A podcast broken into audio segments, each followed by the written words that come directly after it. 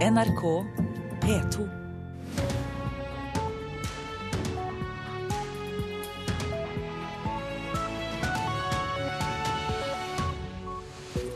Nyhetsmorgen 11.11 har disse overskriftene. USAs krigføring mot IS i Irak og Syria er lite effektiv pga. dårlig etterretning og lite effektivt samarbeid med irakiske styrker. Forskningsstiftelsen Fafo frykter for den nordiske velferdsmodellen.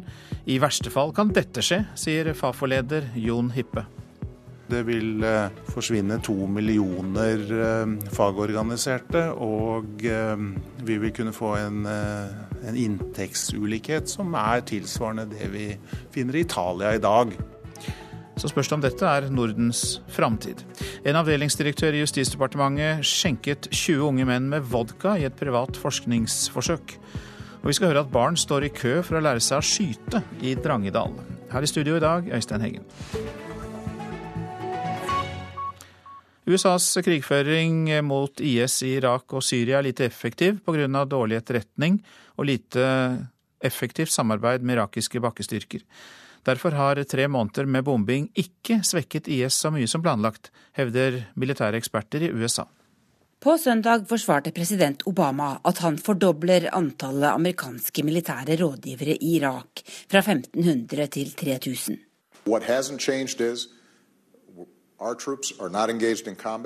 I et intervju med CBS fokuserte han nok en gang på at han er forsiktig, og at amerikanske styrker ikke skal delta i kamphandlinger på bakken. Men innad i det amerikanske forsvaret er frustrasjonen over krigen mot IS i Irak og Syria økende. Ifølge New York Times har bomber bare blitt sluppet i en fjerdedel av bombetoktene som har vært gjennomført så langt. Det skyldes flere ting, spesielt dårlig etterretning og at det er vanskelig å få godkjent hvilke mål en skal bombe. Militære eksperter her sier også til avisen at bombetoktene har vært for få. Fem om dagen i gjennomsnitt siden krigen begynte for tre måneder siden. Til sammenligning gjennomførte USA 85 bombetokt daglig i Afghanistan i 2001, og mer enn 800 daglig mens Irak-krigen pågikk som verst i 2003. Årsaken til at USA mangler etterretning, er svak koordinering med irakiske bakkestyrker, som også er svake. At styrker både i Irak og i Syria trenger materiell og trening, er en klar utfordring. Den håper president Obama flere militære rådgivere skal bøte på. Men presidenten ønsker også å fortsette å gå varsomt fram. Frykten for å treffe sivile i bombeangrep, og dermed risikere å støte fra seg sunnimuslimer som ikke støtter IS i dag, er stor. Derfor har USA vært forsiktig med hva de bomber. Svak etterretning gjør at USA heller ikke har vært i stand til å bekrefte om IS-leder Abu Bakr al-Baghdadi ble skadd eller drept i et bombeangrep i helga. Det hevder irakiske styrker at han ble. Skulle han ha blitt slått ut, vil det imidlertid ikke svekke IS nevneverdig, sier forsker Lauren Squires ved Institute for the Study of War til CNN. ISIS Um, IS er en byråkratisk organisasjon med flere nestkommanderende, sier hun. USA-korrespondent Tove Bjørgaas rapporterte. En avdelingsdirektør i Justisdepartementet blir gransket etter at han skjenket studenter med vodka i et privat forskningseksperiment.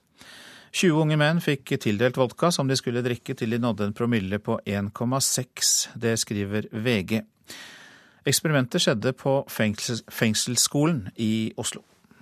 En augustdag i gymsalen på fengselsskolen i Oslo. 20 unge fengselsaspiranter drikker vodka. Målet er en promille på 1,6. Spritdrikkinga er del av et forsøk i regi av en avdelingsdirektør i Justisdepartementet. Han har invitert aspirantene til å være med og teste om en sportsdrikk som familien hans selger privat, også hjelper mot fyllesyke, skriver VG. De unge mennene får betalt inntil 4000 kroner hver i kompensasjon for å delta. Etter det første forsøket på fengselsskolen blir det neste flytta. Fengselsinspektøren ved Kriminalomsorgens utdanningssenter sier til VG at de mente det var uheldig å benytte skolens lokaler til et fylleeksperiment. Sportsdrikken som familien til avdelingsdirektøren selger, inneholder fosfat. Senter for rus- og avhengighetsforskning leder forskninga på om fosfatet i drikken har betydning for kroppens alkoholforbrenning. De har skrevet om forsøket gjort av avdelingsdirektøren i sin prosjektbeskrivelse. Avdelingsdirektøren sjøl har ikke kommentert saken overfor VG. Ledelsen i Justisdepartementet bekrefter at det er oppretta en personalsak mot han. Irina Kjelle orienterte.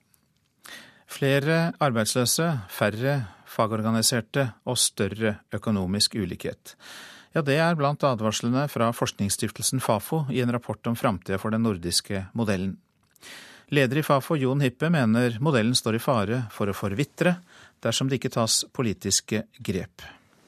Hvis utviklingen eh, fortsetter på en måte i en negativ bane, så vil eh, sysselsettingen i eh, det felles kongeriket Norden, eh, altså illustrerende, da, kunne synke med 600 000. Det vil forsvinne to millioner fagorganiserte, og vi vil kunne få en, en, inntektsfordeling, en inntektsulikhet, som er tilsvarende det vi finner i Italia i dag.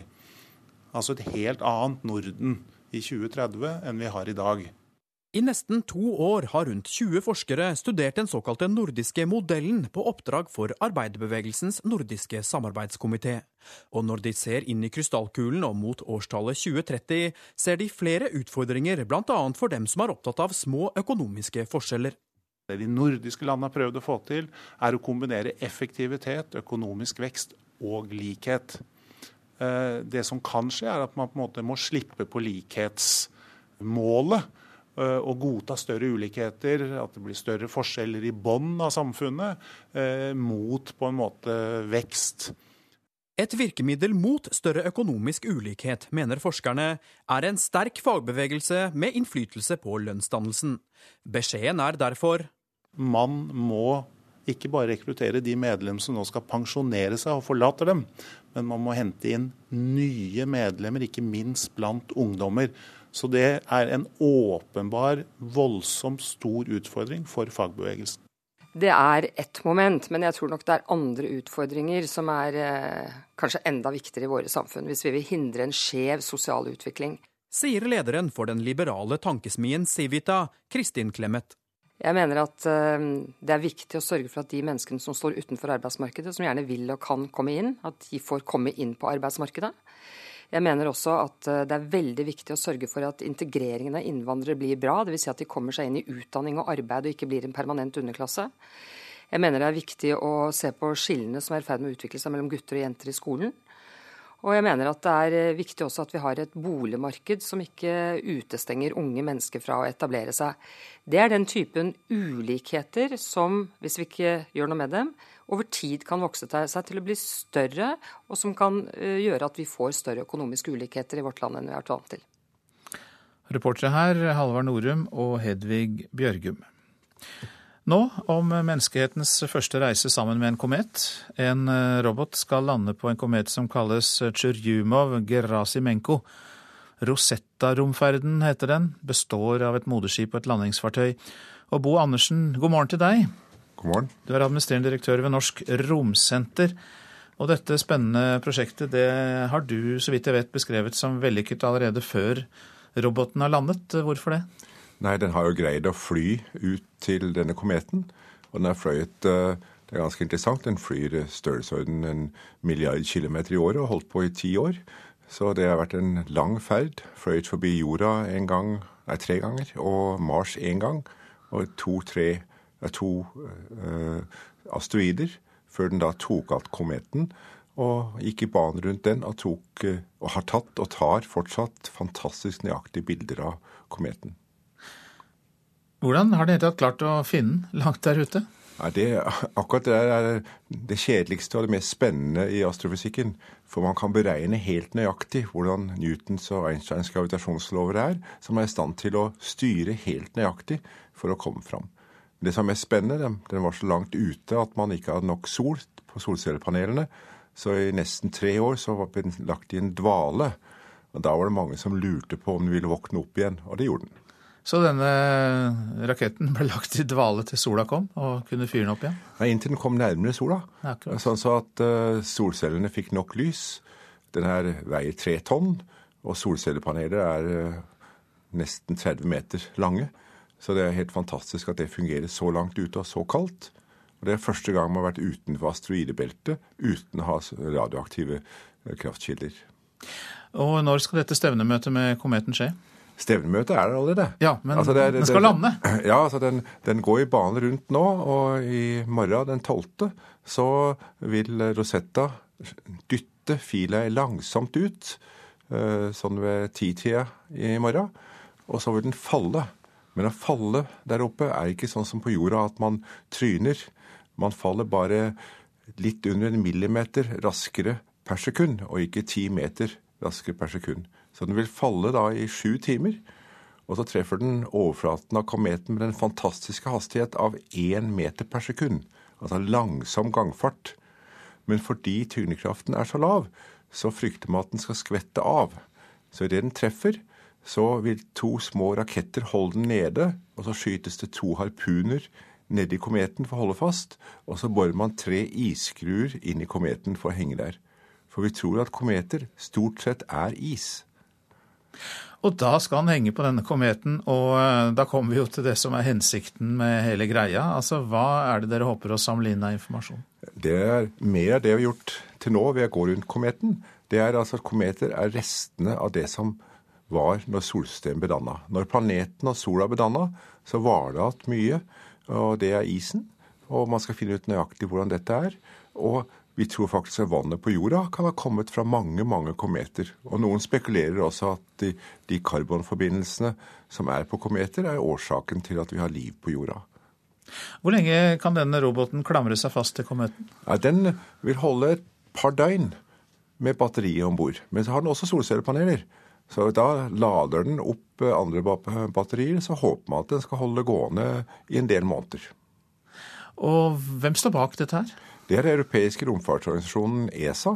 Og det viser hvor Norge er med også. og Norske forskere har gjort mange av baneberegningene for å komme dit, og banen rundt eh, denne kometen. Men det viser at det er helt nødvendig å delta internasjonalt. For Norge ville aldri kunne vært med på noe sånt nå hvis det ikke var et bredt europeisk samarbeid.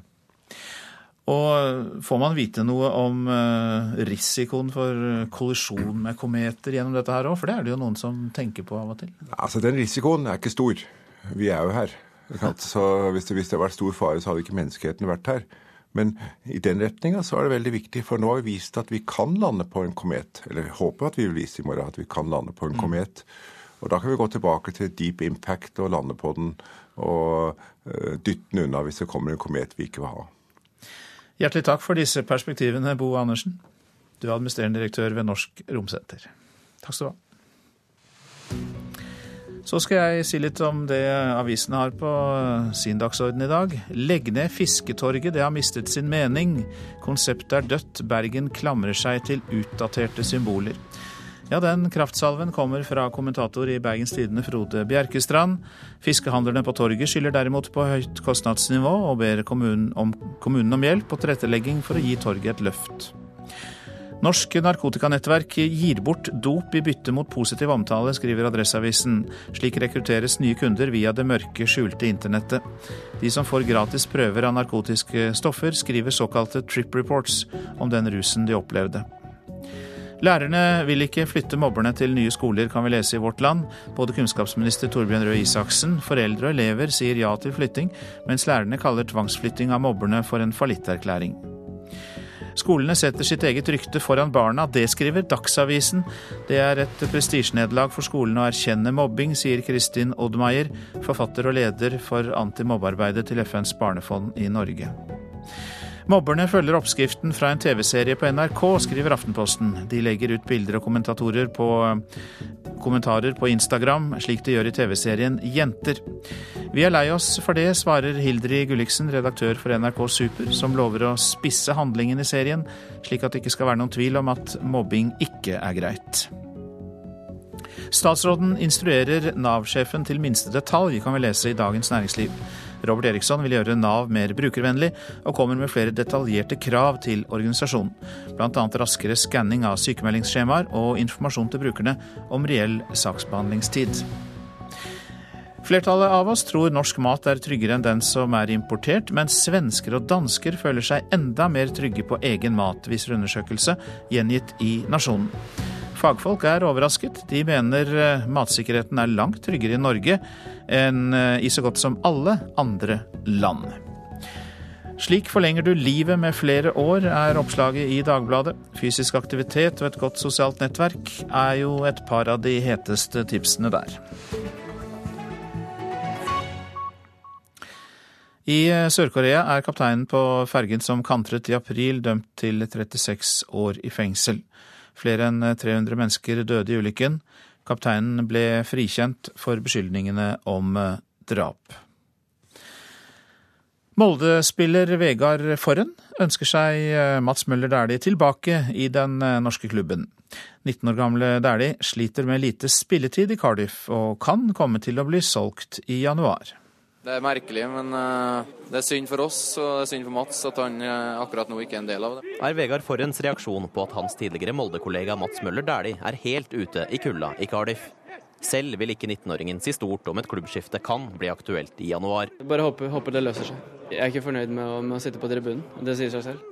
Men for en som selv slet med lite spilletid da han var proff i engelske så 15, tror et klubbbytte kan bli nødvendig. Forhåpentligvis så finner en en som eh, passer bra, og en manager som har trua på. Landslagssjef Per-Mathias Høgmo har også uttrykt bekymring for at Dæhlies nåværende situasjon skal vedvare. Overfor NRK bekreftet han i går at han kan komme til å ta en prat med Cardiff-manager Russell Slade. Det får vi se på. Det kan være naturlig at vi gjør det.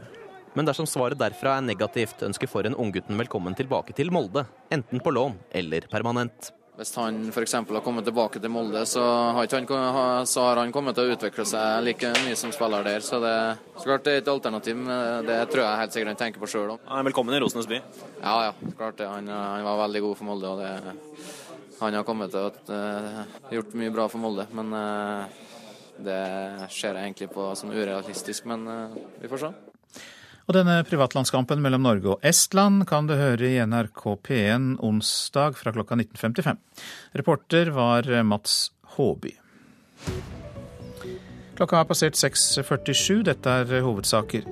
USAs krigføring mot IS i Irak og Syria er lite effektiv pga. dårlig etterretning og et lite effektivt samarbeid med irakiske styrker. Det hevder militære eksperter i USA. Flere arbeidsløse, færre fagorganiserte og større økonomisk ulikhet. Det er blant advarslene fra forskningsstiftelsen Fafo i en rapport om framtida for den nordiske modellen. En avdelingsdirektør i Justisdepartementet skjenket i høst 20 unge menn med vodka i et privat forskningsforsøk, skriver VG. I Drangedal i Telemark står ungene i kø for å bli med og skyte på blink. Høstens innendørssesong er så vidt i gang, men allerede første kveld ble det fullt i det nye skytterhuset i bygda. Over 40 unger er med, og flere står på venteliste. Knut Olav Vrolstad er bare åtte år, men allerede en erfaren skytter. Og fikk en sentrumtier og åtter og, og eh, en tier. Var ikke det veldig bra? Ja. Pleier å skyte sånn hver gang. Jeg. Det er fordi at jeg har trena litt med salong på hytta. Jeg skjøt litt når jeg var på hytta i helga. Så du har trena siden sist? Ja, også veldig lenge òg. Siden det når jeg var fem år. Det er mandag kveld klokka halv seks, og de sju første skytterne har funnet plassen sin inne på 15-meteren. Sjøl om Knut Olav alt er ganske så treffsikker, så er det flere som aldri har tatt i ei børse før. Og det første de må lære seg, det er sikkerhet. Og det har de hatt i hjemmelekse siden forrige trening. Er det noen som husker noen av de eh, sikkerhetsreglene, da? Aldri rør andre børser. Helt riktig. Aldri vekk et ladd våpen. Aldri knip et våpen med fingerfingeren eller fingerbøyen. Helt riktig. Kjempebra. Har du enda flere? Aldri, alltid regne at eh, våpenet er ladd. Ja. Kjempebra. Neste gang så skal jeg ikke kunne fire utenat. Nei da, det var bare være seg. Men ta oss og les på de av og til, de sikkerhetsreglene. For det er så viktig. Det er ikke noe leketøy, dette her. Du, er som er viktigst å tenke på når en skal skyte og prøve å treffe blink? Det er at alle det som sirkler inni kikkerten som uh, skal være sammen, sånn, som er en framme som er en sånn liten her framme, og de og alle de andre skal være midt i den. Og da skal den svarte prikken i midten den svarte prikken i midten av den hvite blinken, da skal den være midt i. Da kan du presse. Og så hører jeg de si at du skal holde etterpå du har eh, Ja, du skal ta et ettertrakk. Hvorfor det? Hvis ikke, så, ja, hvis ikke så hvis du bare smeller, liksom, og så ikke gjør noe, bare lader en gang til, og så, så, det, så blir det dårligere skudd. Da kan fort gå ut? Ja, da kan fort gå ut på andre siden i blinker. Press etter deg smelle. Det høres dumt ut, men eh, Gode instruktører og Jungeltelegrafen er svaret på hvorfor skytinga har blitt så populær. Det tror Jan Gunnar Thors, som er leder i ungdomsutvalget til Drangdal skytterlag. Nei, Det er fordi at noen av disse som har skutt aktivt, og de stiller opp og bruker tid med ungene, samme om de ikke har unger sjøl der. Meg og en del av de andre har jo unger her og har på en måte en forpliktelse til å til å finne på sånne ting for dem, men eh, det må en ta seg hatten av at de vil bruke tid her oppe. Er det sånn at dere ikke har plass til flere nå, eller? Ja, akkurat nå så er det fullt, ja. Jeg har to på venteliste. Skytterne klare. Fem skudd. Klare. Og det løyet som vi har prata om tidligere, tenk på åssen de kan ligge. At de, kan, de skal ligge godt og støtt.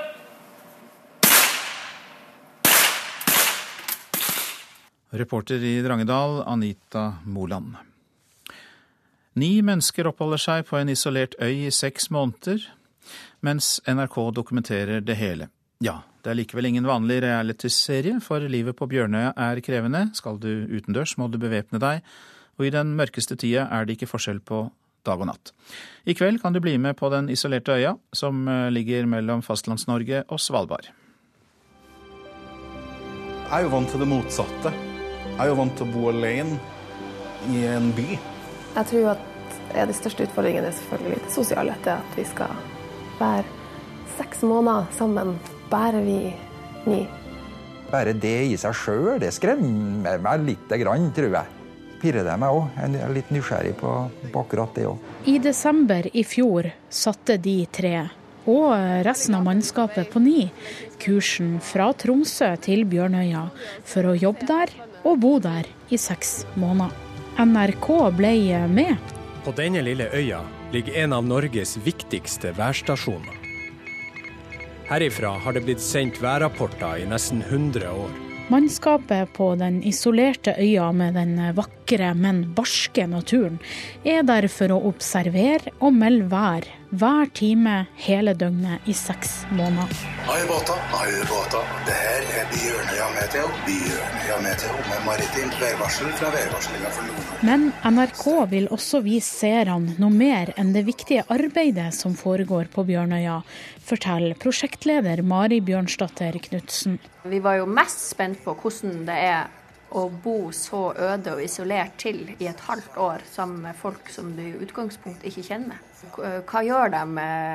Hvordan danner de sitt eget lille samfunn der? Eh, hvordan oppleves det å bo så langt unna andre folk? Og dette skal NRK-seerne få se gjennom seks episoder hvor meteorologene, driftssjefen, kokken, kjøkkensjefen, teknikeren og stasjonssjefen bl.a. sliter med den lange mørketida. Fra november til februar er det ingen forskjell på natt og dag på Bjørnøya, og det er lett å bli døgnvill. Bjørnøya er jo en del av Norge. Eh, en, en, liten del av Norge som veldig få kjenner til. Der de også utfører en viktig jobb Eh, nemlig å samle inn værdata. Og i tillegg så samler de jo inn klimadata også, sånn at man kan, med, kan bidra til klimaforskning. Det er et sted som mange har hørt om, men som de færreste vet eh, hvordan det faktisk er der. Så nå får man jo en, unik mulighet til å, til å, på en måte føle at man får eh, vært og sett litt hvordan det faktisk er der. Og Premieren på Bjørninga er i kveld på NRK1 klokka 20.15. Reporter Pia Tøhaug. Komponist Synne Skauen mener det er prinsipielt forkastelig at jurymedlemmene i Spellemannsprisen ikke får betalt. Skauen skulle egentlig vurdert årets bidrag i kategorien samtid, men trakk seg fra juryarbeidet da hun oppdaget at det ikke fulgte penger med oppdraget. Jeg var vel i gang, men da den beskjeden kom, så så, så jeg ikke noen annen utvei enn å bare si at men da må jeg trekke meg. Jeg har ikke tid til å jobbe gratis i flere uker med dette. Synne Skauen, som er leder av Norsk Komponistforenings musikkfaglige utvalg, sier hun ble svært overrasket over at jobben ikke var betalt. Jeg ble himmelfallen. Da har det aldri falt meg inn at det ikke var honorert. Det er jo faktisk slik at eh, for å få en Spellemannspris på beina, så er den viktigste jobben er det artistene som gjør. Den nest viktigste jobben er det jo faktisk juryen som gjør. Og vinneren, vinnerne, er Ingebjørg Bratland og Odd Nordstoga. Slik hørtes det ut da Ole Paus i fjor delte ut prisen i kategorien folkemusikk og tradisjonsmusikk. Juryen, som på forhånd hadde hørt igjennom de innsendte bidragene og kåret vinneren, fikk ikke betalt for jobben. I fjor som i år fikk de kun en billett til selve Spellemannsshowet i Stavanger. Eventuelt kunne de velge et gavekort på 500 kroner. Vi har ikke økonomi til noe mer, forklarer Spellemannprisens styreleder Marte Thorsby. Spellemannprisen er på en måte en stor, eneste stor eh, dugnadsånd i bransjen. Vi er veldig mange som jobber uten honorar. Eh, det er veldig mange som putter både mye tid og mye kompetanse inn i Spellemannprisen. Og vi har rett og slett ikke økonomi heller til å, å på en måte betale større honorarer til så mange jurymedlemmer som vi har. Spellemannprisens motstykker i Sverige og Danmark betaler heller ikke jurymedlemmene, påpeker Thorsby, men Syne Skauen mener honorarer for slikt arbeid slett ikke er uvanlig. Og dugnadsånden har hun ikke forståelse for. Jeg kan ikke si at jeg har så stor forståelse for det, fordi jeg mener at det prinsipielt er forkastelig. Syne Skauen presiserer at hun ikke er imot Spellemannprisen, men hun mener dagens ordning truer troverdigheten. Fordi øh, jeg tror at øh, man i lengden øh, må ha problemer med å finne folk som er villige til å gjøre den jobben når de ikke får betalt for den. Og da må man rimeligvis rykke lenger ned på listene over folk. Og jeg, jeg er helt sikker på at det sitter gullige ved folk i disse juryene. Uh, men jeg er også sikker på at um, de går glipp av folk i juryene som burde ha sittet der. Nå ser vi at de aller fleste takker ja til å sitte i juryen med da det honoraret vi har. Og jeg kan ikke se da at dette, at noen få trekker seg, at det truer troverdigheten til Spellemann. Styreleder i Spellemannsprisen Marte Thorsby og reporter var Une Marvik Hagen. Sju av ti leger jobber selv om de er syke, ifølge en undersøkelse som forskere ved NTNU har utført. Det skriver Aftenposten. Drøyt 2000 eh, sykehusleger fra Norge, Island, Sverige og Italia har svart på undersøkelsen. Den viser også at det er en sammenheng mellom høy grad av såkalt uh, sykenærvær, altså at leger går på jobb selv om de er syke, og legenes utbrenthet. Opp mot 76% av leger i Norge, Sverige og Island gikk på jobb selv om de var så syke at de hadde sykemeldt pasienter med de samme symptomene. Så værvarselet. Østafjells og fjell i Sør-Norge, i Agder og Østfold enkelte byger først og sist på dagen, ellers opphold og kan hende noe sol, lokal tåke. Fra ettermiddag østlig liten kuling på kysten vest for Lindesnes. Vestlandet sør for Stad utrygt for enkelte regnbyger på kysten av Rogaland, ellers opphold og perioder med sol, men noe lokal tåke. I kveld øking til stiv kuling på kysten sør for Obrestad. Møre og Romsdal enkelte regnbyger i ytre strøk, ellers opphold og perioder med sol, i kveld stort sett pent. Trøndelag sørvest liten kuling på kysten, enkelte regnbyger, snøbyger over 600 meter, stort sett opphold i indre Trøndelag. Helgeland, Saltfjellet og Salten på kysten perioder med liten kuling, litt regn eller sludd, fra ettermiddag oppholdsvær. Ofoten, Lofoten, Vesterålen og Troms. På kysten liten kuling, i kveld minkende vind. Sludd- og snøbyger, vesentlig først på dagen. Finnmark. På kysten i øst og fjellet liten kuling og snøbyger. Nordensjøland på Spitsbergen. Enkelte snøbyger langs vestkysten, men ellers oppholdsvær. Temperaturer fra fire i natt. Svalbard lufthavn minus ni. Kirkenes minus én. Vi ikke, men Alta minus to. Tromsø-Langnes pluss én. Og så er det bare plussgrader resten. Bodø fem. Brønnøysund åtte. Trondheim-Værnes fire. Molde og Bergen-Flesland seks. Stavanger sju. Kristiansand-Kjevik seks. Gardermoen 5, eh, Lillehammer 4, Røros 2 og Oslo-Blindern 7 grader.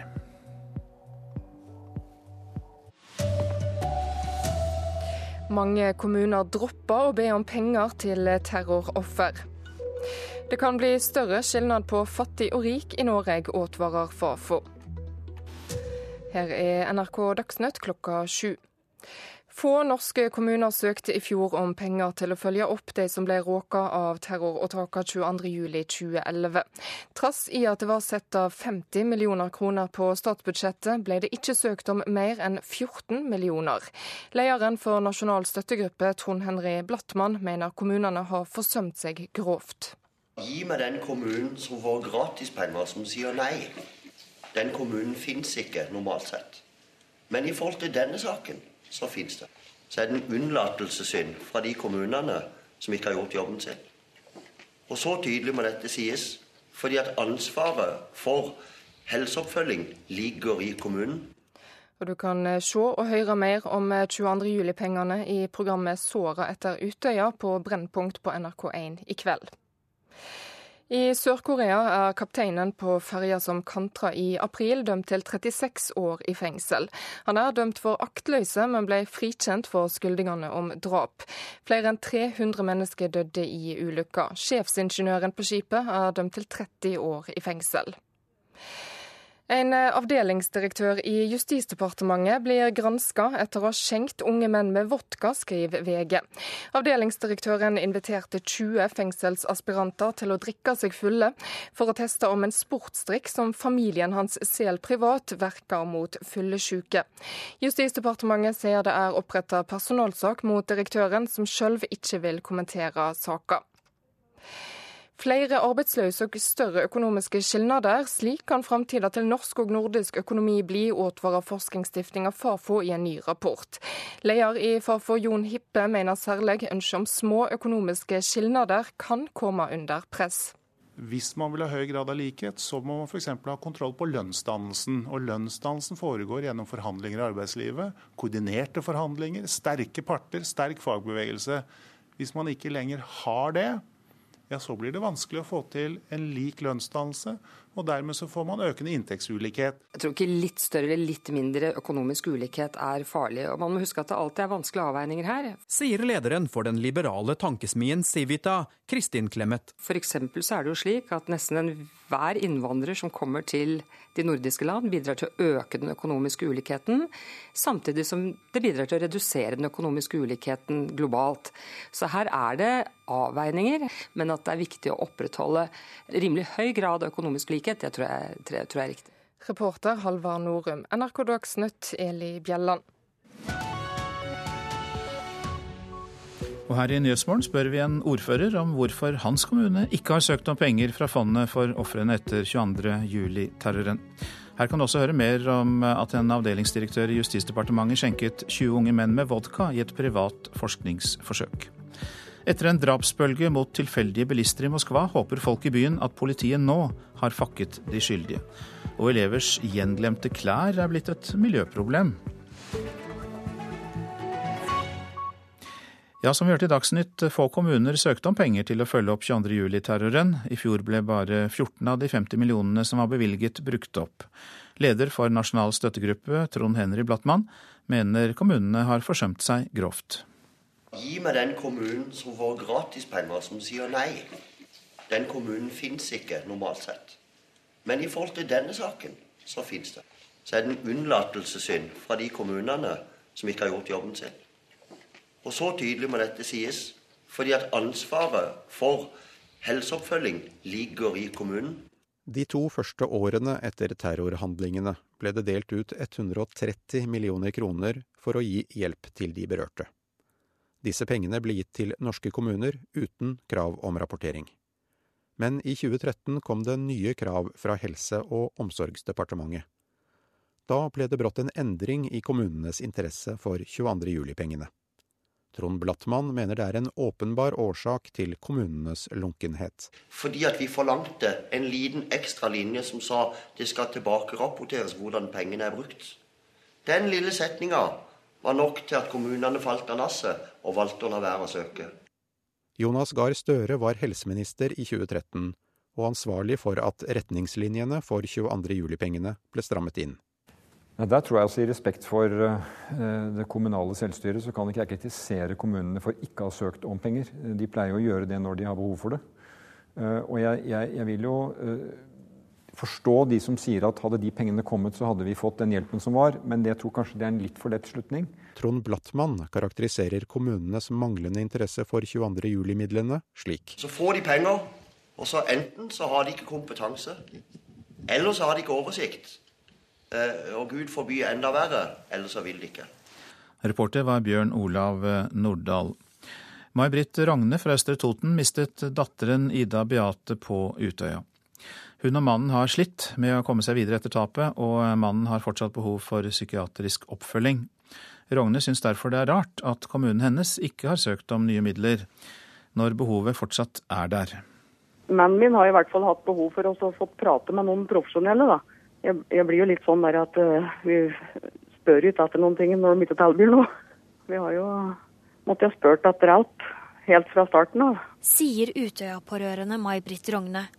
Hun tror kommunen ikke har søkt om mer penger, fordi de nå må rapportere om hva de bruker pengene på.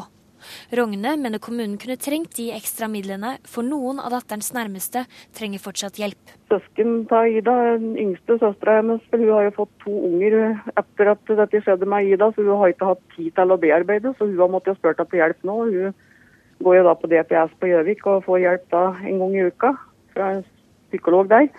Og hun må da betale sjøl for det. Og det mener jeg at der kunne de jo òg ha kanskje støttet disse her ungdommene meg, de søsknene. Men eh, de aller fleste av dem har måttet betalt det sjøl.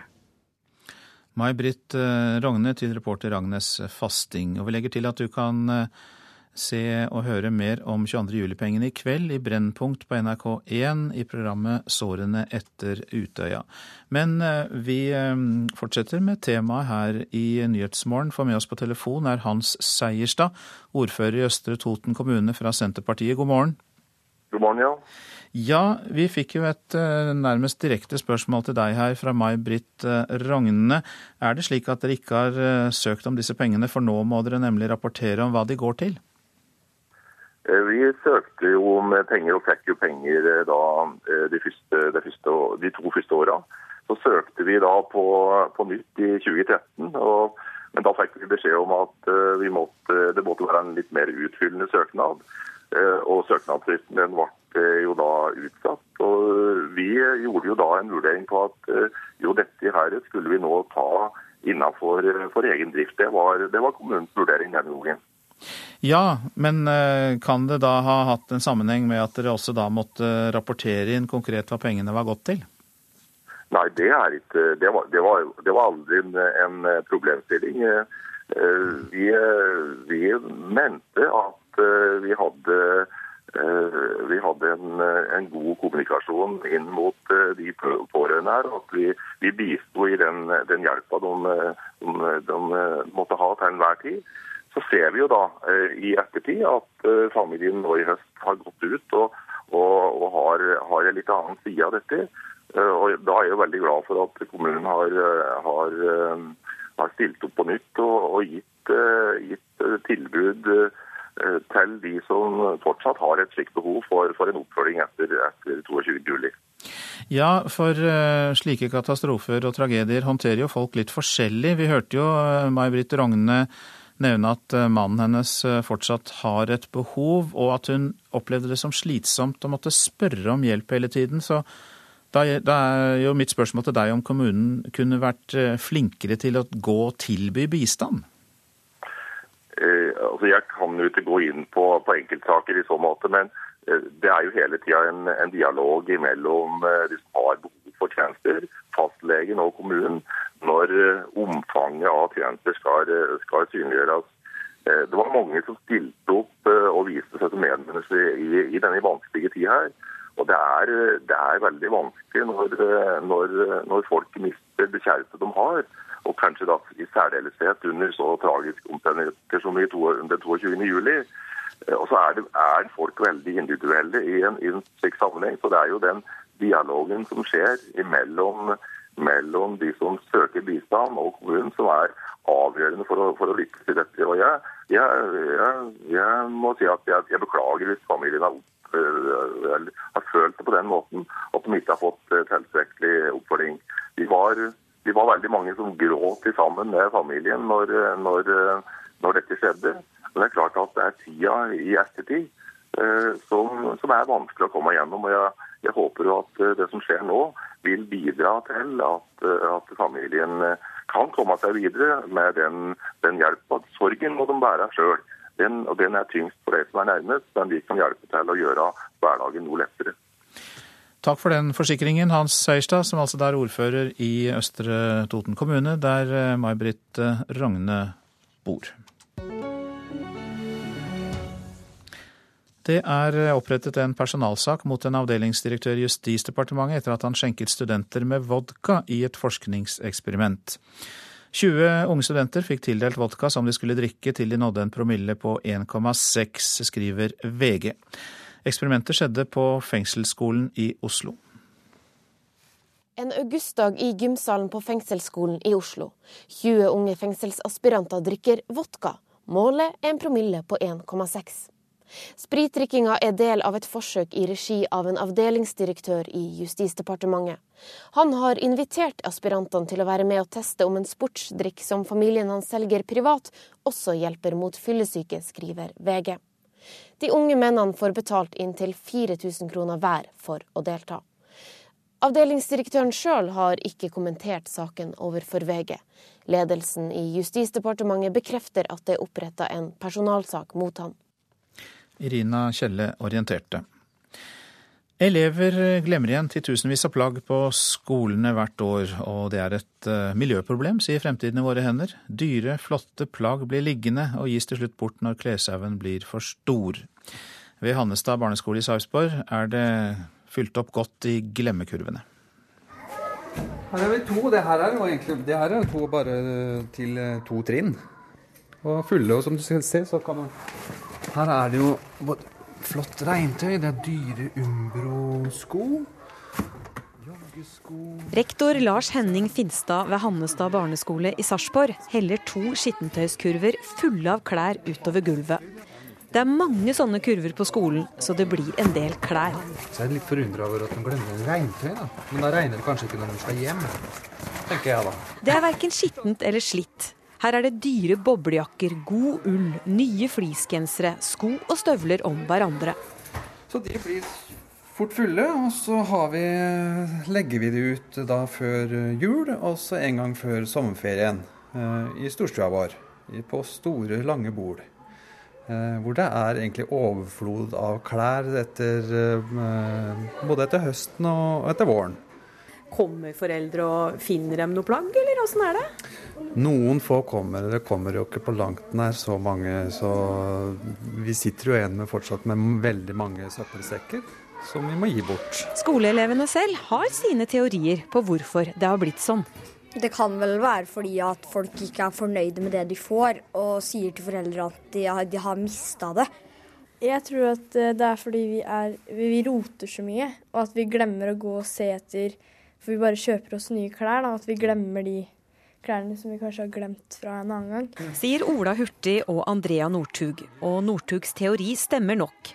I verdens beste land å bo i glemmer unger igjen til tusenvis av klær. Søppelsekker som fylles opp flere ganger i året, og det blir bare mer og mer, ifølge Arild Hermstad i Fremtiden i våre hender. Det øker uh, voldsomt. Uh, folk glemmer igjen klær på skoler og kommer ikke å hente det heller, selv om de får utallige oppfordringer. Men nå hører vi også at uh, disse skolene, når, når, ikke klær blir henta, så, så, pakker de det sammen, og så gir de det fineste tingene til, til Frelsesarmeen, til, uh, til, Romania, har vi hørt, og til, til, asylmottak. Så da får jo klærne levd videre, da. Det er vel bra? Altså, det er jo bedre enn at de bare kastes. Men grunnen til at folk mangler klær, er jo som regel at de er fattige. Eh, og, det at de liksom skal ha en fattig underklasse som, som, trenger klær, det er jo ikke en varig løsning på problemet. Så eh, helt opplagt det hadde vært bedre om, om de som kjøpte klærne, eh, ikke kjøpte mer enn det vi klarer å bruke opp. Ja, det er sørgelig, men jeg er jo pappa sjøl til skolejente, så jeg vet jo hvordan hverdagen er. Og, men jeg, kunne jo ønske meg at foreldre kanskje er, følger opp litt mer og er litt tettere på i, i også garderobesituasjonen etter hvert som elevene blir større. Jeg tror det kanskje kunne vært en del å hente der. Til slutt eh, rektor eh, Lars Henning Finstad ved Hannestad barneskole i Starpsborg, reporter Heidi Sivertsen Oksmo. Ja, klokka den har passert eh, kvart over sju nettopp. Dette er hovedsaker i Nyhetsmorgen. 36 millioner kroner som kunne gått til terrorofre etter 22. juli. Terroren blir stående urørt. Flere kommuner har ikke søkt om støtte. Direktør i Justisdepartementet blir gransket etter å ha skjenket 20 unge menn i et fylleforsøk for å teste ut en energidrikk. Og krigen mot IS går dårligere enn planlagt, mener militære eksperter i USA. Og USAs president Barack Obama tar til orde for økt antiterrorsamarbeid mellom USA og Kina. Obama deltar i disse dager på APEC-toppmøtet i Beijing, men eh, uttalelsen hans ble gitt da i et skriftlig intervju med det kinesiske statlige nyhetsbyrået Sinwa, og det ble publisert i dag. Asia-korrespondent Peter Svaar, hvordan ser man for seg et slikt antiterrorsamarbeid mellom Kina og USA? Ja, Det er et godt spørsmål. Eh, for det virker ganske usannsynlig at USA og Kina kan utvikle et sånt samarbeid eh, gjennom f.eks. å utveksle etterretningsinformasjon eller samarbeide direkte militært. Det som er mulig, og som Obama også foreslår, er kanskje et samarbeid som skal ramme finansieringen av grupper som Kina eller USA anser å være knyttet til terrorisme, og også tilveksten av fremmedkrigere, som jo er en bekymring både for eh, USA og for Kina og for mange andre land i verden nå. Kina har jo opplevd en rekke terrorangrep det siste året, og hva er USAs syn på det som eh, skjer i Kina? Ja, her I Kina har det vært en voldsbølge det siste året med over 200 drepte, som har vært knyttet til uroen i Xinjiang-regionen, der flertallet er muslimske uigurer. Og Kina har hele tiden framholdt at disse angrepene er del av den eh, globale kampen mot eh, islamistisk terror. Sier at det er gruppen E-Team, Øst-Turkmenistans islamske bevegelse, som står bak disse angrepene. Men det er eh, mange internasjonale eksperter uenig i, og mener uroen heller bunner i kulturell og økonomisk undertrykkelse undertrykkelse av uigurminoriteten. Eh, så bevisene mot E-Team i flere tilfeller er eh, kontroversielle. Og fordi det ikke er enighet alltid om hvem som står bak, så er det også vanskelig å bli enige om bekjempelsen. Men det kan altså da se ut til at eh, det konkrete i et slikt samarbeid mot terror mellom USA og Kina står et stykke igjen til man er der på konkrete tiltak? Det de kan gjøre, er å slutte å kritisere hverandre. og Det er kanskje det mest sannsynlige utfallet av dette samarbeidet. Eh, Obama understreket også da i det intervjuet som publiseres i dag, at man ikke kan blande sammen voldelig ekstremisme med fredelig opposisjon. Han sa at det å respektere rettsstaten og menneskerettighetene er det beste våpen mot terror i det lange løp.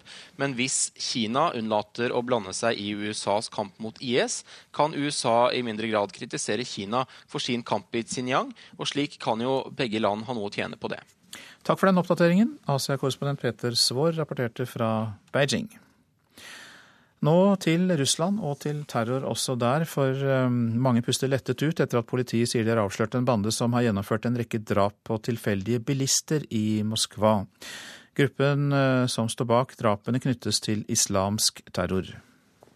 De siste dagene har media her i den russiske hovedstaden vært fulle av reportasjer om det som bare kalles GTA-banden, og som har spredd skrekk blant byens befolkning det siste halvåret. Banden har stoppet tilsynelatende tilfeldige bilister og drept minst 14 mennesker. Navnet GTA har gruppen fått fra det populære videospillet Grand Theft Auto, og nå knyttes den også til militant islamsk terrorisme. I en uttalelse som ble sendt ut fra den russiske presidentens pressekontor i helgen, heter det at Vladimir Putin takker politiet for at banden nå er avslørt, og at dette i virkeligheten dreide seg om terrorhandlinger. Så langt er det lite som er sivet ut om etterforskningen av gruppen. Men den statlige avisen Rasiskaya Gazeta skriver med kilder i politiet at gruppen ikke som tidligere antatt hadde forbindelser med sadistiske bevegelser, men var ekstreme islamister som målrettet drepte vantroende. Gruppens medlemmer har ved flere tilfeller plassert spikermatter langs en bestemt hovedvei som leder ut fra Moskva, og så angrepet bilens fører og eventuelle passasjerer mens de var i ferd med å skifte hjul. Blant dem som har blitt drept, er et ungt nygift par og to pensjonister. Det har vært mye rykter rundt drapene på sosiale medier, men først nå kommer altså de første meldingene om at dette trolig har vært terror fra ekstreme grupper. GTA-gruppen skal ha bestått av personer som opprinnelig kommer fra de sentralasiatiske landene, samt en russisk kvinne som har konvertert til islam. Lederen for gruppen, Rostam Osmanov, ble drept da han forsøkte å kaste en granat mot politiet da han skulle arresteres. Dermed ser det ut til at heller ikke Russland kommer unna det som eksperter på terror har advart mange land i Vesten mot. Terror rettet mot tilfeldige mennesker og mål. Moskva og Russland har flere ganger vært utsatt for større angrep fra islamske terrorgrupper, bl.a. mot et teater i 2002 og mot metroen i 2010. Morten Jentoft, Moskva. Og nå eh, til eh, Nigeria. I går ble mange mennesker drept i et selvmordsangrep mot en gutteskole nordøst i landet. Midt under en morgensamling på en gutteskole nær byen Potiskum så eksploderte en bombe. Og Morten Bøås, seniorforsker ved NUPI, god morgen. God morgen. ja. Det er jo en ekstrem aksjon som rammet mange. Hvem sto bak den? Ja, med all sannsynlighet så er dette denne Boko Haram-grupperingen. Nå har de vel, så vidt meg bekjent, fortsatt ikke tatt på seg selve ansvaret for den. Men handlingen bærer eh, hva skal man si, kjennetegnene til eh, Boko Haram. Dette er jo helt klart ikke noe bandittvirksomhet eller noe annet. Altså Her var formålet å drepe så mange som mulig.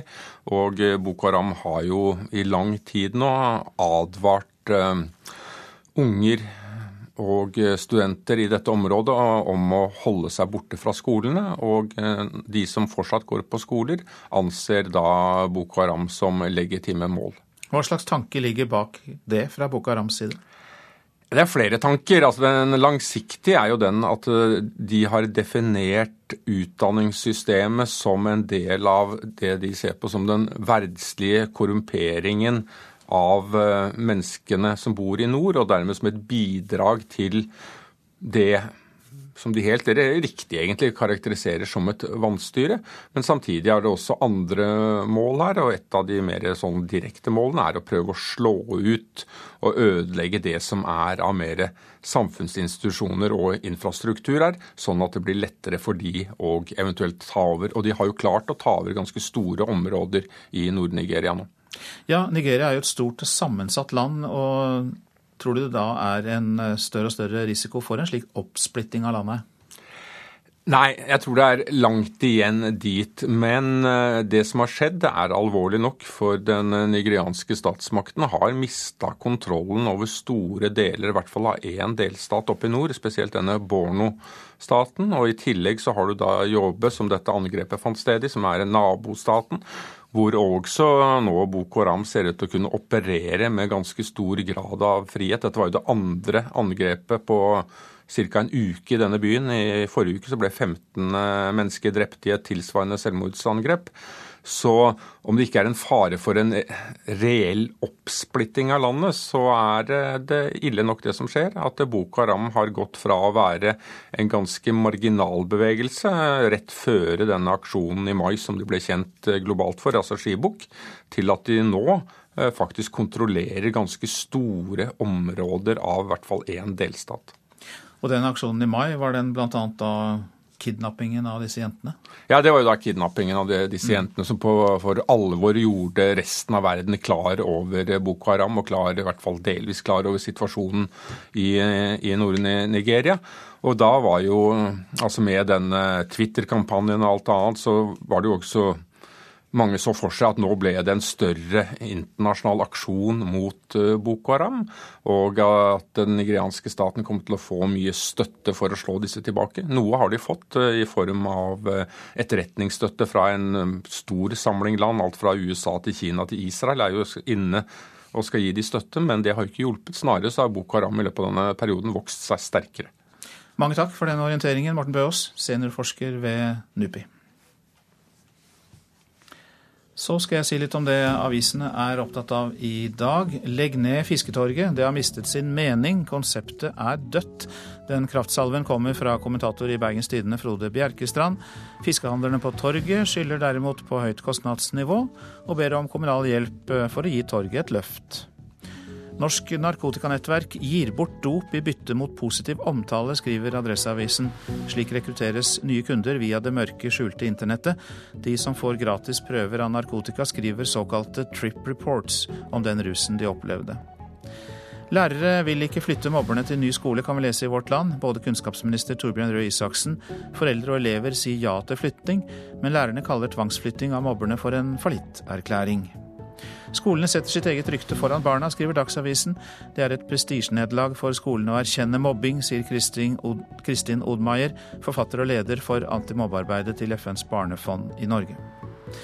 Mobberne følger oppskriften fra en TV-serie på NRK, skriver Aftenposten. De legger ut bilder på Instagram, slik de gjør i TV-serien Jenter. Vi er lei oss for det, svarer Hildrid Gulliksen, redaktør for NRK Super, og lover å spisse handlingen i serien, slik at det ikke skal være noe tvil om at mobbing ikke er greit. Statsråden instruerer Nav-sjefen til minste detalj, kan vi lese i Dagens Næringsliv. Robert Eriksson vil gjøre Nav mer brukervennlig, og kommer med flere detaljerte krav til organisasjonen, bl.a. raskere skanning av sykemeldingsskjemaer og informasjon til brukerne om reell saksbehandlingstid. Flertallet av oss tror norsk mat er tryggere enn den som er importert, men svensker og dansker føler seg enda mer trygge på egen mat, viser undersøkelse gjengitt i Nasjonen. Fagfolk er overrasket, for de mener matsikkerheten er langt tryggere i Norge enn så godt, all, så godt som alle andre land. Slik forlenger du livet med flere år, er oppslaget i Dagbladet. Fysisk aktivitet og et godt sosialt nettverk er et par av de heteste tipsene vi får der. Nå om en mobilapplikasjon som gir foreldre beskjed om bleieskift og sovetid når barna er i barnehagen.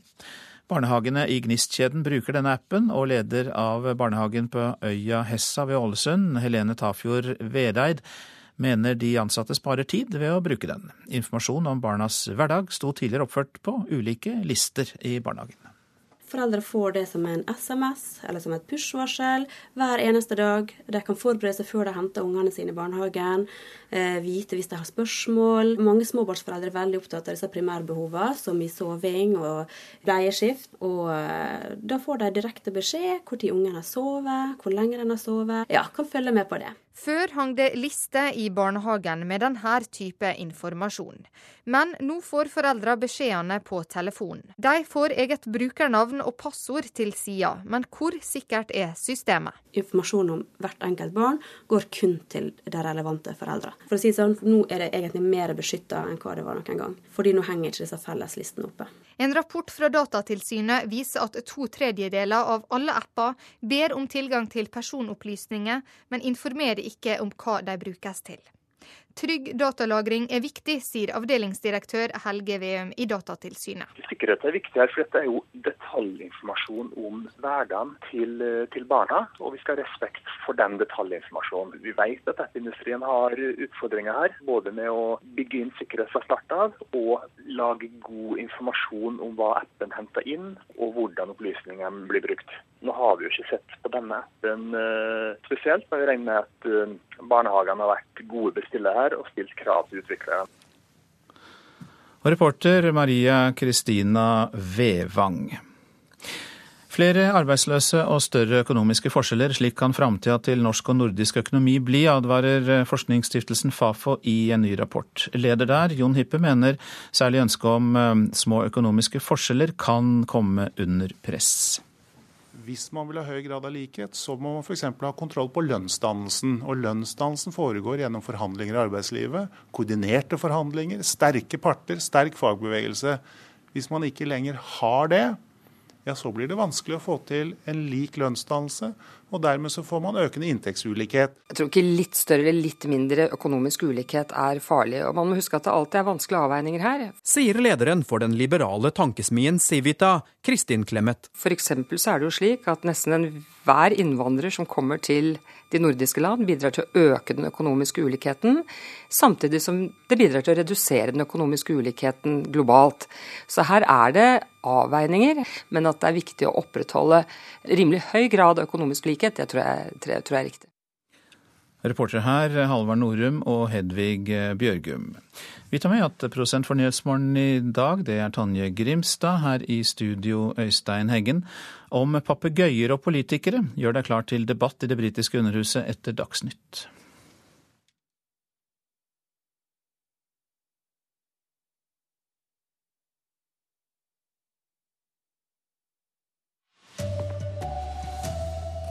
Terroroffer gikk glipp av 36 millioner kroner i fjor fordi kommunene ikke søkte om penger.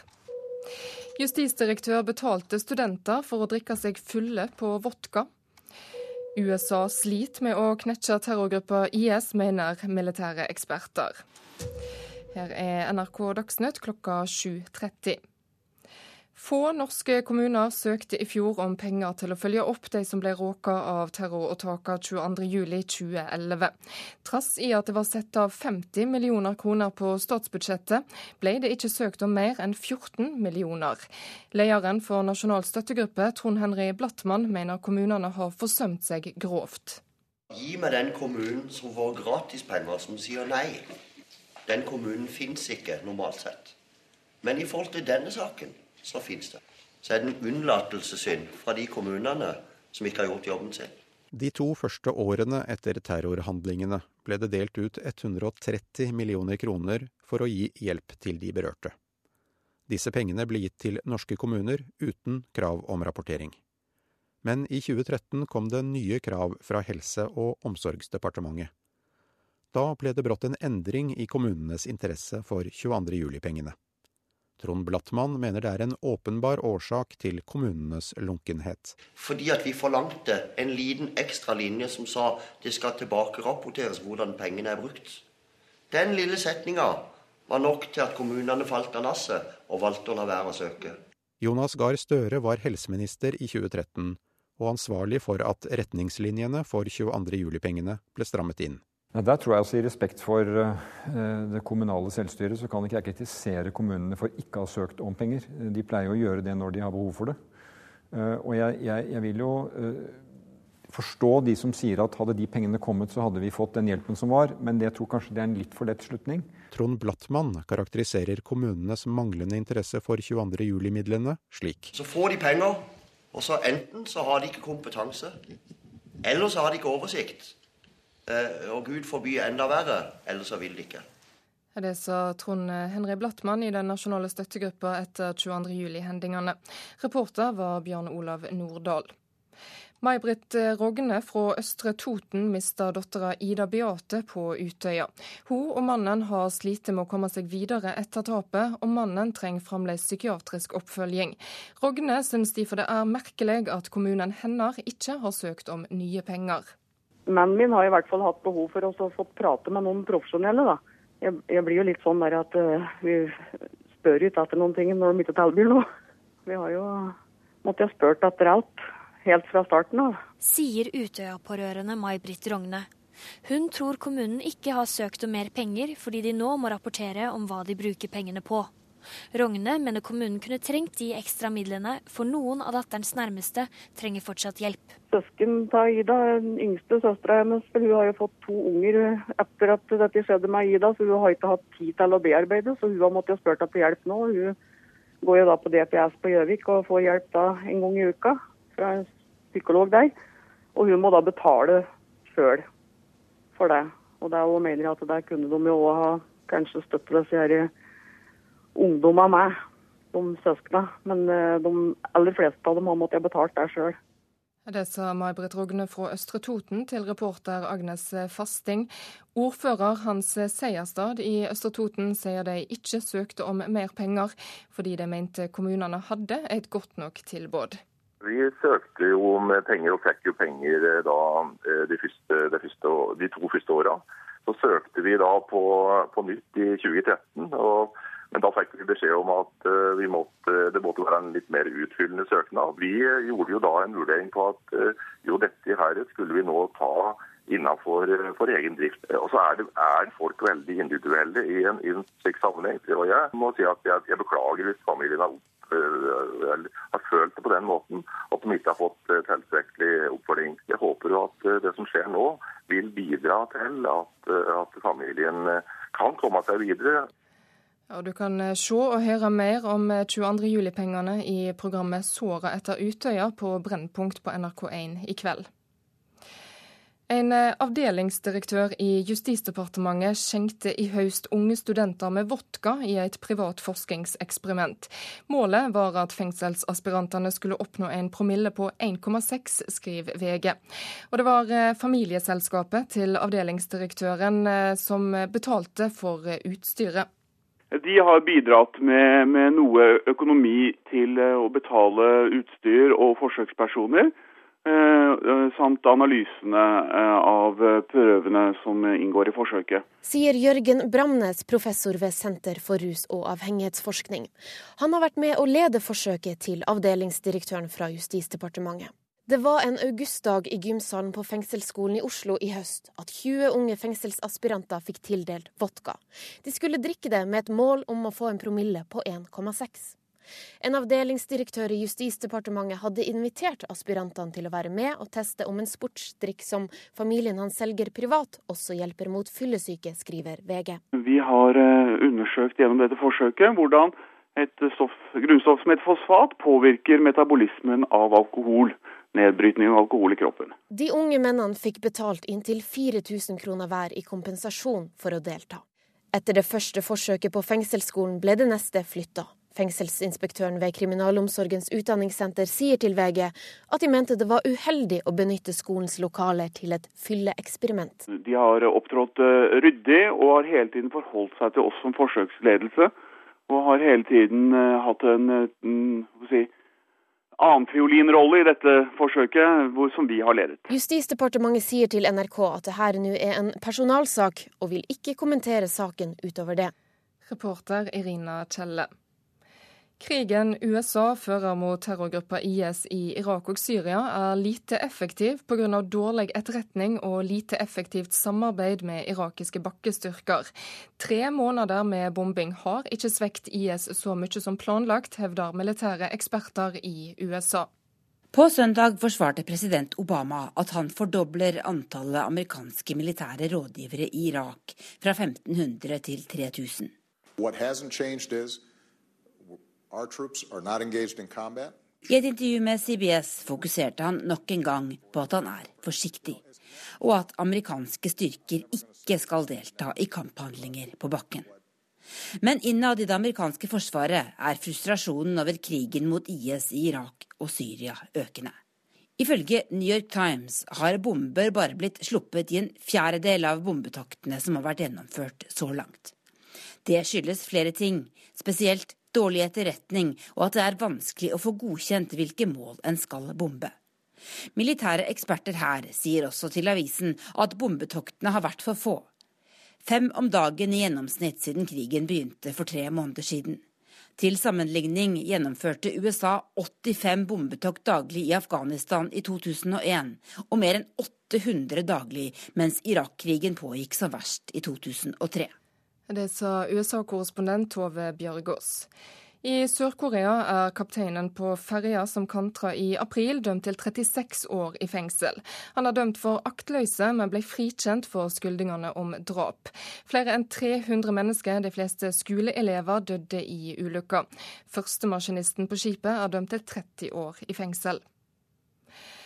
Allerede i dag kan Magnus Carlsen knekke VM-motstander Vishy Annan. Det sier sjakkekspert i NRK Torstein Bae, som tror Carlsen åpner aggressivt og går for siger, sjøl med svarte brikker i det tredje VM-partiet. Jeg tror han er veldig fristende. Selvfølgelig, han spiller svart, og sånn sett er remis et bra resultat for han. Men Anand er nok rystet etter disse to første partiene, og, og Magnus ønsker å kapitalisere på det. Jeg tror du Carlsen kan knekke han fullstendig i dag? Jeg tror det, hvis han får denne starten, tar en ny seier med svarte brikker i dag. På dette nivået så er det ikke så mange seire det ofte blir. Og psykologisk sett for Vishianand å komme tilbake etter en så forferdelig start, det, det er veldig vanskelig. Og nettopp derfor tror sjakkekspert Torstein Bae at Carlsen triumf i dag nærmest vil avgjøre VM etter bare tre av tolv parti.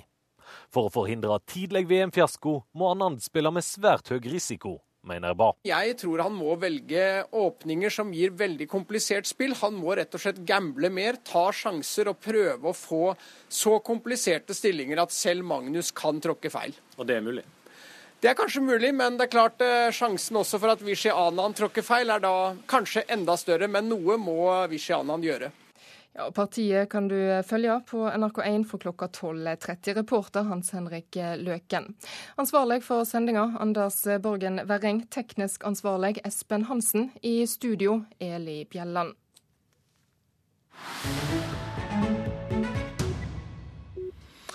Og du lytter til Nyhetsmorgen nå.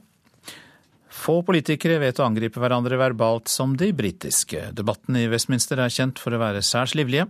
London-korrespondent Espen Aas har mer. I wish to register a complaint.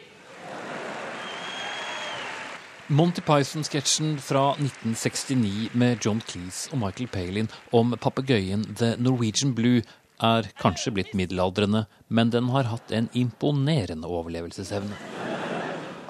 Yes, the, Norwegian blue. What's wrong with it? I'll tell you what's wrong with it, my lad.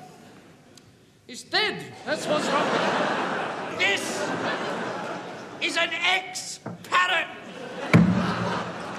Et uh, særlig oppsving fikk den den 12. oktober 1990 av en noe overraskende person med en noe annerledes form for humor, nemlig statsminister Margaret Thatcher, som overfor partikonferansen sin kommenterte at partiet Liberaldemokratene hadde fått seg en ny logo, en fugl, og hun var ikke så imponert. Politics is a serious business, and one should not lower the tone unduly. So I will say only this of the Liberal Democrat symbol and of the party it symbolizes.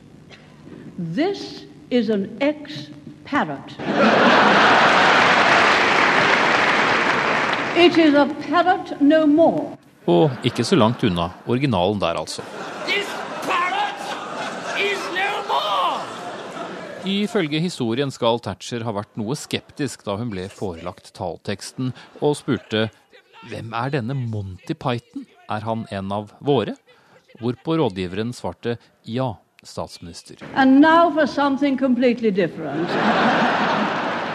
Og om ikke en papegøyefjær nødvendigvis ble til fem høns, så hva med en diger albatross?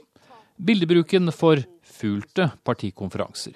I fjor gikk den tidvis rappkjeftede London-borgermesteren Boris Johnson på talerstolen, og ville også snakke om liberaldemokratene, som nå hadde vært regjeringspartner i flere år. I I I right? Cut that yellow liberal democrat albatross from around our necks and let it plop into the sea og så skulle det bli riktig så papegøyalt i statsministerens spørretime denne uken, hvor fornærmelsene gjerne sitter tett. Lederen av opposisjonspartiet Labour, Ed Miliband, hadde nettopp forsøkt å latterliggjøre David Cameron for hans manglende evne til å reformere EU. Hvorpå Cameron i stedet minnet Miliband på at en av hans skyggeministre nylig hadde omtalt sitt eget parti som døden nær.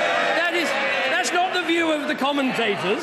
It's not the view of the backbenchers. It's the view of the frontbenchers. It's official. It's a dead parrot. Ed Miliband ble noe blek om nebbet, men svarte med å fortsatt holde seg i dyreriket, om enn hos pattedyrene, da han forsøkte å få debatten tilbake til EU, og hentet frem det engelske ordet for røyskatt, som også er synonymt med svikefull. Now,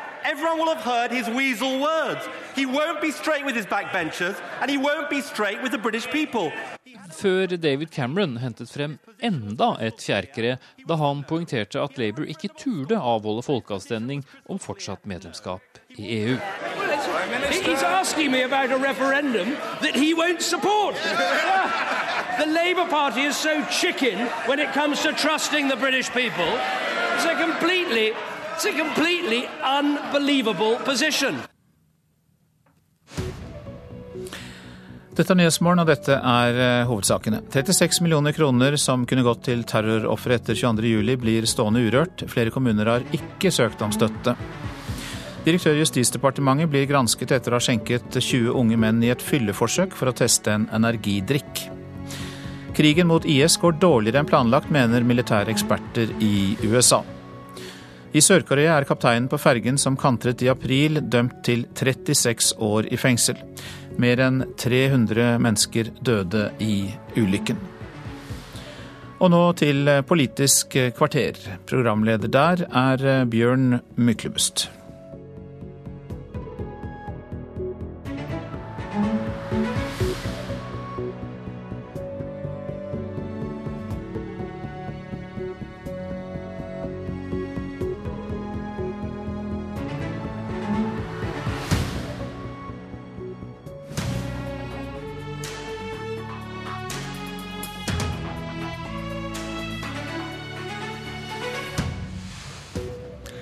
Er det mer demokratisk med mindretallsregjering enn flertallsregjering?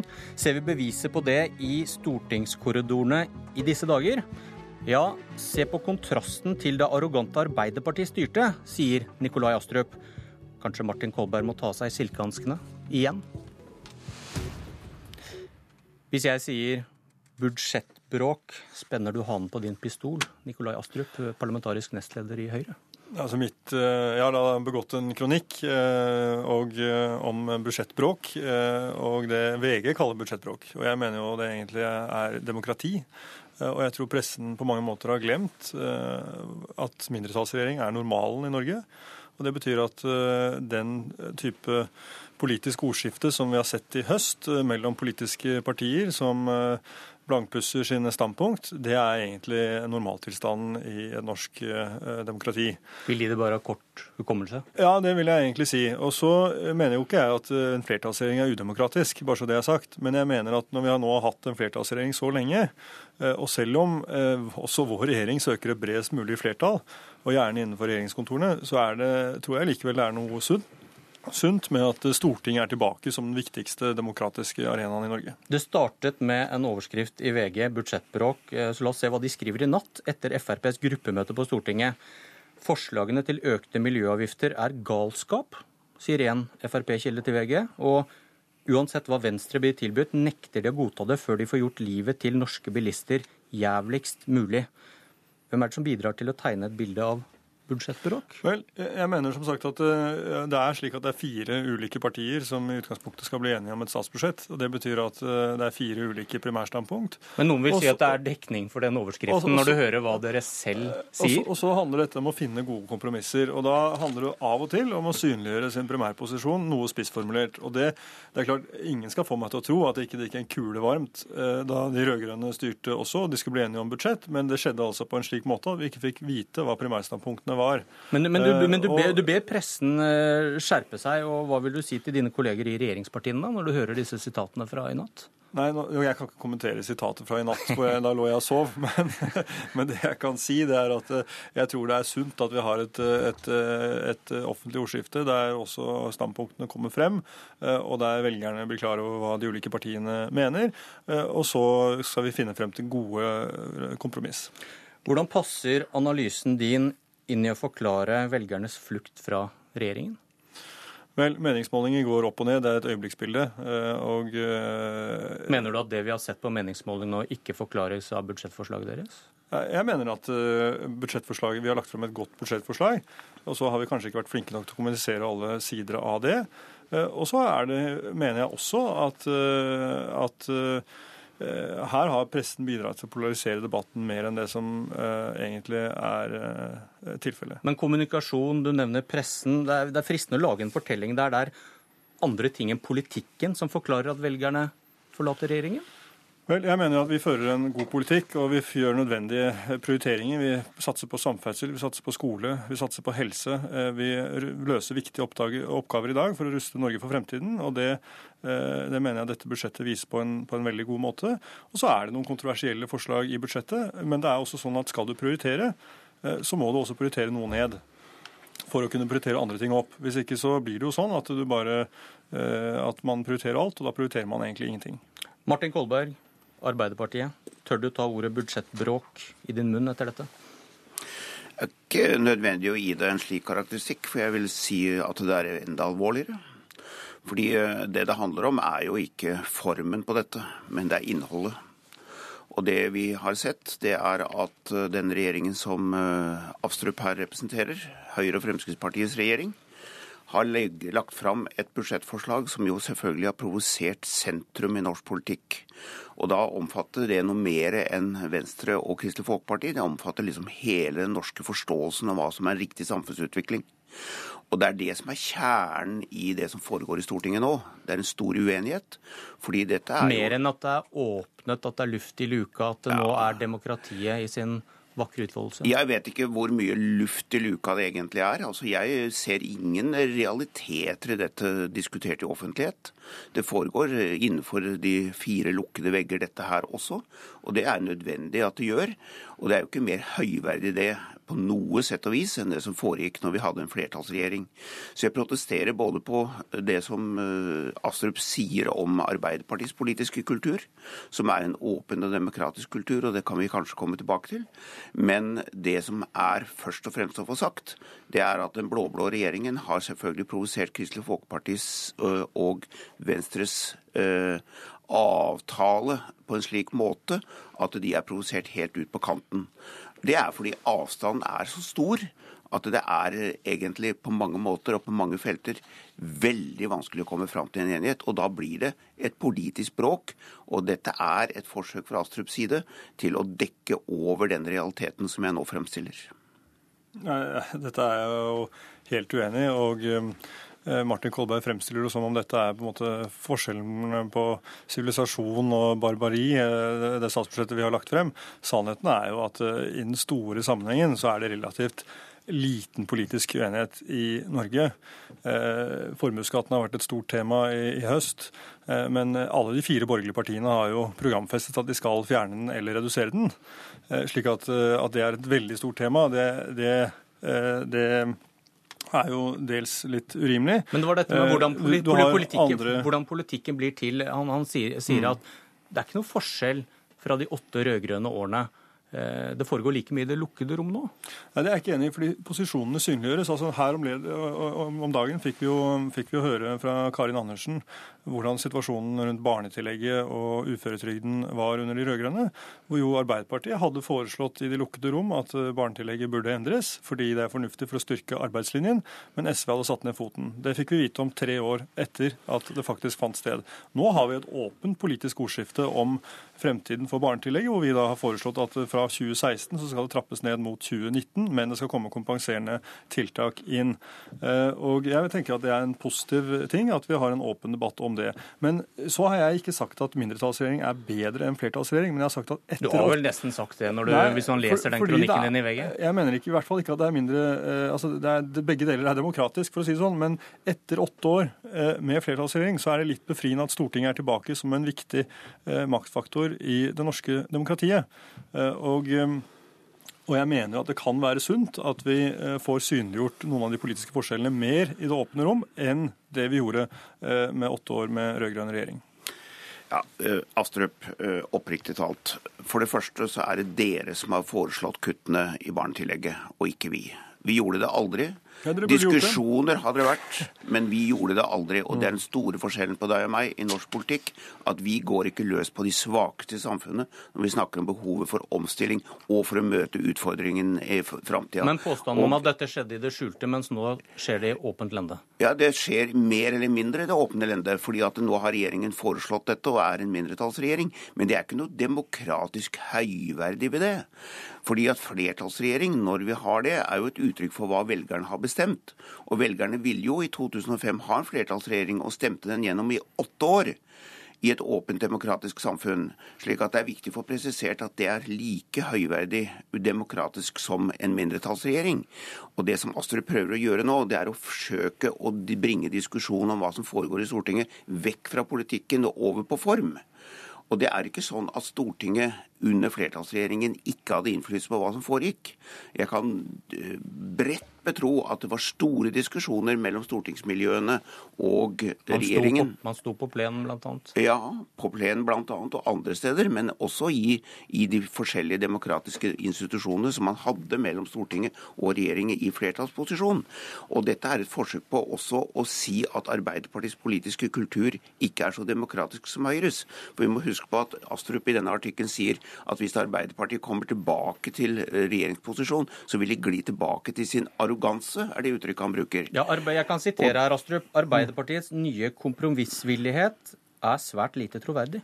Og Kan ikke jeg bare få si det programleder Nå må jeg få lov å si noe, Martin Kolberg. La han avslutte kort, da. Bare få si det, Astrup, før du kommer inn her. fordi La meg ta rekken av forlik som blir inngått under vår ledelse. Altså, ja, kort, sier programlederen her, men altså allikevel. Alt fra pensjonsforliket, barnehageforliket, kirkestat, rådyr, datalagringsdirektivet mellom ditt og mitt parti, osv., osv., osv. Og det var ut fra at vi hadde den holdning at Stortinget skulle ha innflytelse på de store nasjonale spørsmål, selv om vi kunne diktert alene. Og det er, får vi se om Høyre er innstilt på nå å gå inn i en slik linje i forhold til også den store opposisjonen i Stortinget, som ikke handler om Kristelig Folkeparti og Venstre, men som handler om de rød-grønne partiene. Jeg venter å se på hva som er Høyres demokratiske sinnelag. Igjen sitatet Arbeiderpartiets nye kompromissvillighet er svært lite troverdig. Ja, altså Nå ser vi jo at Arbeiderpartiet har bedt om ikke mindre enn seks forlik på et år. De har bedt om medieforlik, landbruksforlik, bistandsforlik, klimaforlik, skoleforlik og skatteforlik. Det står ikke til troende eh, at det, denne, denne, eh, invitasjonen til resten av Stortinget kommer til å stå ved lag hvis Arbeiderpartiet skulle komme tilbake ved makten. Da de satt, så er det riktig at Hvis de kommer i mindretallsregjering, kanskje? Ble, hvis de kommer i mindretallsregjering, så kan det selvfølgelig skje. Eh, men de, de satt jo da i åtte år, og det er klart det ble inngått et eldreforlik som ikke ble fulgt opp. Det ble inngått et klimaforlik etter sterkt press fra opposisjonen i flere år. Eh, og, eh, og, man kan diskutere om det ble fulgt opp også. Så, så, veldig imponerende har det ikke vært. Men det er heller ikke så veldig rart. Eh, når du sitter med flertall, så trenger du ikke Stortinget i like stor grad. Ja, hadde dere oppført dere noe annerledes da? Hvis, hvis, det hadde vært rent blått flertall, nettopp... hadde dere vært rause mot Venstre og KrF da? Jeg håper jo at vi hadde det. Men, fordi jeg, og jeg, jeg mener jo at Oslo, Oslo er et godt eksempel på det. Hvor vi jo har styrt med, med varierende flertall i, i, i, eh, i ganske mange år. Eh, men selv når vi ikke har trengt flertall eh, med alle de fire borgerlige partiene, så har vi likevel tatt alle de fire borgerlige partiene med i samarbeidet på et vis, enten de sitter i byråd eller ikke. Og, og det tenker jeg er en ganske fornuftig måte å, å ta dine politiske venner på alvor på. Så, så den, den strategien mener jeg er ganske god. Vi nærmer oss jo slutten, og jeg skal uh, si det som jeg mener er det absolutt vesentlige å få sagt. Det ene er at Stortinget skal selvfølgelig alltid spille en rolle, og det spiller alltid en rolle. Prinsipielt er det slik at vi har ikke noen annen regjering og ikke en annen konstellasjon enn det Stortinget selv vil ha. Det er Astrup og jeg helt enige om. Så er det former knyttet til dette. Jeg mener at den ene formen kan være like bra som den andre på mange sett og vis, men det er ikke slik at det ene er prinsipielt mer demokratisk høyverdig enn det andre. Men er du enig i at Stortinget og, får mer makt når det skjer det som skjer i stortingskorridorene nå? Ja, altså Konkret kan du si at Stortinget som institusjon ved noen anledninger får mer makt ved mindretallsregjering enn ved flertallsregjering. Det ligger jo i sakens natur, og er da et uttrykk for det som er velgernes vilje. For Hadde det vært slik at Erna Solberg hadde hatt kraft og evne og mulighet til å gjennomføre det hun egentlig ville, nemlig å danne en firepartiregjering, så hadde vi ikke hatt denne situasjonen overhodet. Og Det er bare et uttrykk for den politiske sprengkraften som ligger i dette. Det er det som er mitt poeng, og det tror jeg Astrup egentlig er enig i.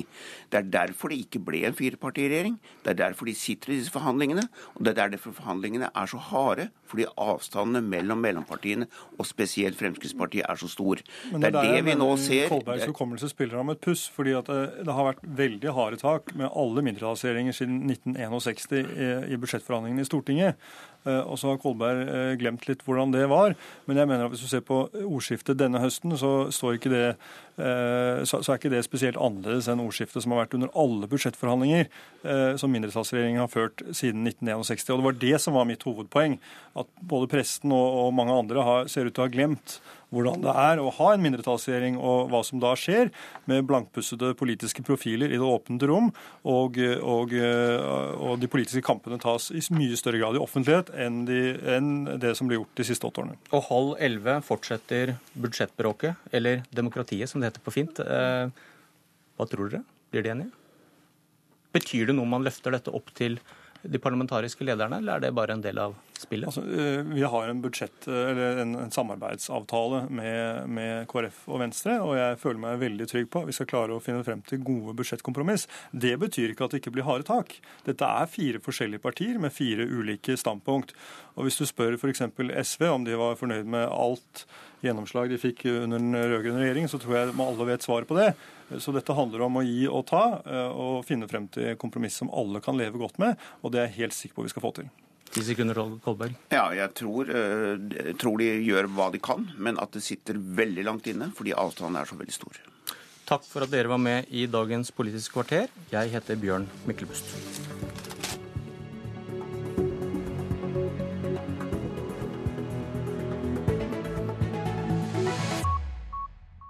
Hør flere podkaster på nrk.no podkast.